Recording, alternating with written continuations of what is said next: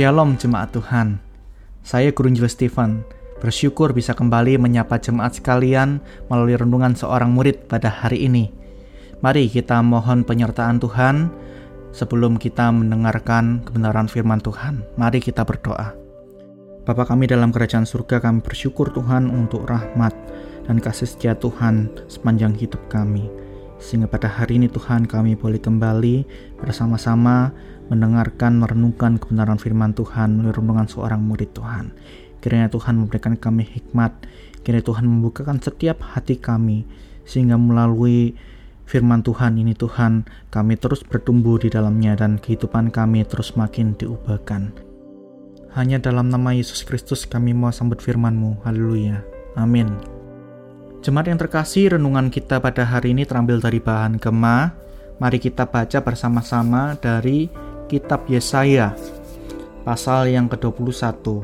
Saya akan membacakan untuk saudara sekalian dari ayat yang pertama sampai kedua, dilanjutkan 9 sampai 17. Demikianlah firman Tuhan untuk kita semua. Ucapan ilahi terhadap padang gurun di tepi laut. Seperti puting beliung, mendesing lewat di tanah Negev Demikianlah datangnya dari padang gurun, dari negeri yang dahsyat. Suatu penglihatan yang kejam telah diberitakan kepadaku. Penggarong-menggarong, perusak merusak. Majulah hai Elam, kepunglah hai Madai. Aku hentikan semua keluh yang ditimbulkannya. Lanjut ayat 9. Lihat, itu sudah datang sepasukan orang, pasang-pasangan orang berkuda, Lalu berserulah ia, katanya. Sudah jatuh, sudah jatuh Babel, dan segala patung berhalanya telah diremukkan dan bertaburan di tanah. Hai bangsaku yang telah dipijak-pijak dan diinjak-injak. Apa yang ku dengar dari Tuhan semesta alam, Allah Israel, telah kuberitahukan kepadamu. Ucapan ilahi terhadap Duma. Ada seorang berseru kepadaku dari Seir. Hai pengawal, masih lama malam ini? Hai pengawal, masih lama malam ini. Pengawal itu berkata, pagi akan datang, tetapi malam juga. Jika kamu mau bertanya, datanglah bertanya sekali lagi. Ucapan ilahi terhadap Arabia. Di belukar di Arabia kamu akan bermalam. Hai kafilah-kafilah orang Dedan. Hai penduduk tanah tema, keluarlah, bawalah air pada orang yang haus. Pergilah, sambutlah orang pelarian dengan roti. Sebab mereka melarikan diri terhadap pedang, Ya, terhadap pedang yang terhunus, terhadap busur yang dilentur, dan terhadap kehebatan peperangan. Sebab beginilah firman Tuhan kepadaku. Dalam setahun lagi, menurut masa kerja prajurit upahan, maka segala kemuliaan Kedar akan habis. Dan dari pemana-pemana yang gagah perkasa dari Bani Kedar akan tinggal sejumlah kecil saja, sebab Tuhan Allah Israel telah mengatakannya. Demikianlah pembacaan firman Tuhan kita. Jemaat yang terkasih, kitab Yesaya tidak hanya terdapat genre narasi, tetapi juga genre nubuat seperti yang kita baca barusan. Genre nubuat biasanya terdapat tentang keselamatan ataupun tentang hukuman-hukuman Allah. Dan pada hari ini yang kita baca perikop ini, ini berisikan tentang hukuman-hukuman Allah. Oleh karena itu, di dalam genre nubuatan tentang hukuman Allah, kita sekali lagi diingatkan bahwa sepintar apa pun kita menutupi dosa kita, sekecil apa pun dosa-dosa kita, kita tidak akan pernah bisa menghindar dari setiap hukuman-hukuman Allah. Karena dosa selalu mendatangkan hukuman Allah. Di sini kita bisa melihat bersama-sama jemaat yang terkasih, dosa apa yang diperbuat oleh bangsa-bangsa yang disebutkan tadi, sehingga Tuhan mendatangkan hukuman atasnya. Bangsa Babel, bangsa Edom, dan bangsa Arabia yang disebutkan tadi, mereka melakukan dosa kesombongan. Mereka merasa dirinya superior dari bangsa-bangsa yang lain, sehingga mereka melakukan penindasan demi penindasan, penganiayaan demi penganiayaan terhadap negara-negara atau bangsa-bangsa yang lain. Tetapi apa yang terjadi? Sehebat apa pun mereka, sekuat apa pun mereka, bangsa Babel, Edom, Arabia tidak bisa lolos dari hukuman Tuhan. Babel adalah lambang suatu kesombongan. Mereka merasa kuat sehingga mereka tidak mewaspadai bahaya yang mengancam mereka. Oleh sebab itu tidak mengherankan bila kehancuran mereka datang secepat datangnya angin puting beliung dikatakan tadi ayat pertama sampai ayat ketiga. Dan dikatakan datangnya cepat seperti wanita yang hamil yang tiba-tiba merasa mulas dan ingin melahirkan. Sama halnya dikatakan tadi penyerangan orang Elam dan Madai yang juga datangnya mendadak di ayat yang kedua. Terjadi saat Raja Belyasar sedang berpesta. Kisah ini, narasi ini kalau ingin lebih detail bisa dibaca di dalam Daniel pasal yang kelima.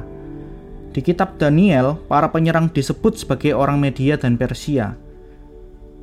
Dan Duma adalah kota yang ditempati orang Edom, lokasi kediaman orang Edom yang sangat strategis untuk menahan serangan musuh oleh karena itu mereka merasa diri mereka itu kuat dan aman. Selain Babel dan selain Edom, juga ada bangsa Arabia. Mereka juga dikatakan mereka merasa diri mereka itu paling kuat, superior. Karena pada umumnya orang-orang Arabia ini memiliki tubuh yang kuat-kuat. Dari ayat 17 kita juga bisa melihat bahwa uh, mereka memiliki pemana-pemana yang gagah perkasa. Namun apa yang kita bisa pelajari dari semua eh, kehebatan-kehebatan bangsa-bangsa Babel, Edom, dan Arabia ini. Yang kita bisa pelajari jemaat yang terkasih adalah sehebat apa pun, sekuat apa pun kita, kita tetaplah manusia yang inferior di hadapan Tuhan. Kita tidak bisa menjadi manusia yang superior di hadapan Allah.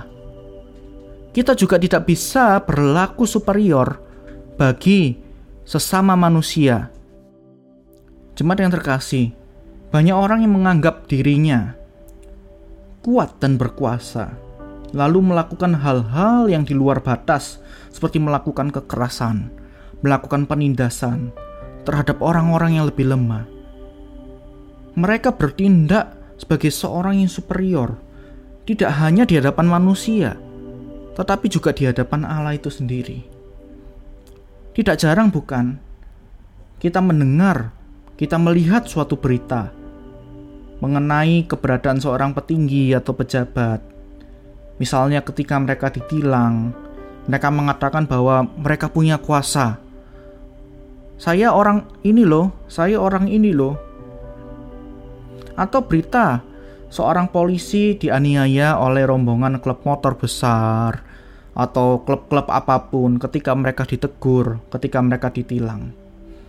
Karena apa hal itu bisa terjadi? Karena mereka melihat bahwa diri mereka adalah orang yang hebat, orang yang kuat. Mereka punya rombongan yang begitu banyak, sehingga mereka merasa diri mereka mayoritas dan harus diperlakukan dengan baik, dan harus dihormati, dan harus diberikan suatu hak istimewa untuk bertindak apa pun yang mereka mau. Bahkan jemaat yang terkasih, tidak jarang bukan kita melihat orang yang merasa lebih hebat dari Tuhan. Banyak juga orang yang terlalu ekstrim ke kiri ketika menanggapi COVID-19. Oh, saya punya Tuhan. Tuhanku lebih berkuasa dari virus-virus. Benar, memang benar tetapi tidak menantang maut dengan keluar tidak menggunakan masker, tidak mematuhi setiap protokol yang ada. Hal-hal yang seperti demikian itu sama halnya kita mencobai Tuhan kita. Kita bermain-main dengan Tuhan. Ingat, ketika Tuhan Yesus pun dicobai oleh iblis, ketika Tuhan Yesus digoda bahwa jatuhkanlah dirimu dari bumbungan. Tetapi Tuhan Yesus tidak melakukan hal itu, bukan? Iblis menggoda, bukankah malaikat sanggup menopang, menggendong? Tetapi Tuhan Yesus tidak melakukannya, bukan? Sebaliknya, Tuhan Yesus mengatakan kepada iblis, "Jangan mencobai Tuhan Allahmu." Ketika kita merasa diri kita lebih hebat dari Tuhan dengan melakukan hal yang demikian, maka kita tidak hanya sombong, tetapi kita mencobai Tuhan kita. Tindakan yang tampak hebat tersebut atau dianggap sebagai tindakan yang menunjukkan iman, itu sebenarnya adalah tindakan yang bodoh. Orang yang beriman seharusnya tidak berlaku demikian, tetapi seharusnya hidup menaati Allah, bukan mengatur Allah, bahkan mencobai Allah. Jemaat yang terkasih, orang yang sombong adalah orang yang menghargai dirinya secara berlebihan. Orang yang melihat dirinya lebih tinggi dari yang lain. Seperti halnya yang dilakukan oleh bangsa Babel, Edom, dan Arabia mereka merasa lebih tinggi dari bangsa-bangsa yang lain di sekitarnya.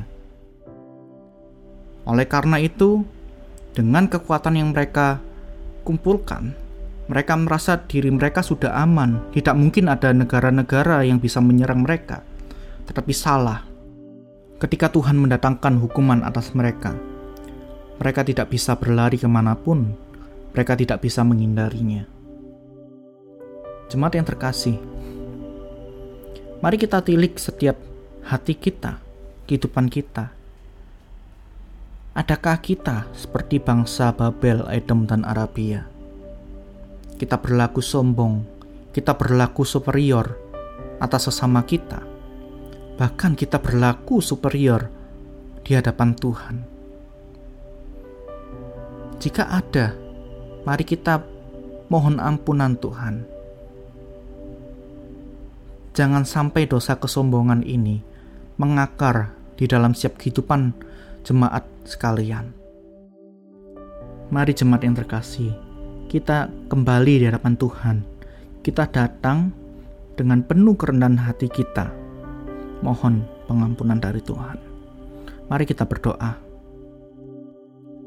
Bapa dalam surga kami mengucap syukur atas firman Tuhan yang telah kami dengar dan kami baca Tuhan.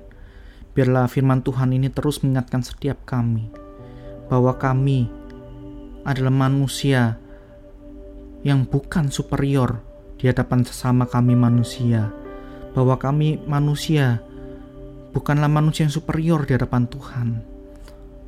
Tapi ajarilah kami terus untuk memiliki kerendahan hati, bukan hati yang tinggi, yang penuh dengan kesombongan, yang memandang rendah, atas sesama kami, bahkan menang rendah Tuhan. Ajarilah kami terus Tuhan, agar kami terus menjadi pelaku benar firman Tuhan. Yang roh kudus terus menolong setiap kami. Hanya dalam nama Yesus Kristus kami bersyukur dan berdoa haleluya. Amin. Tuhan Yesus memberkati kita semua dan selamat beraktivitas.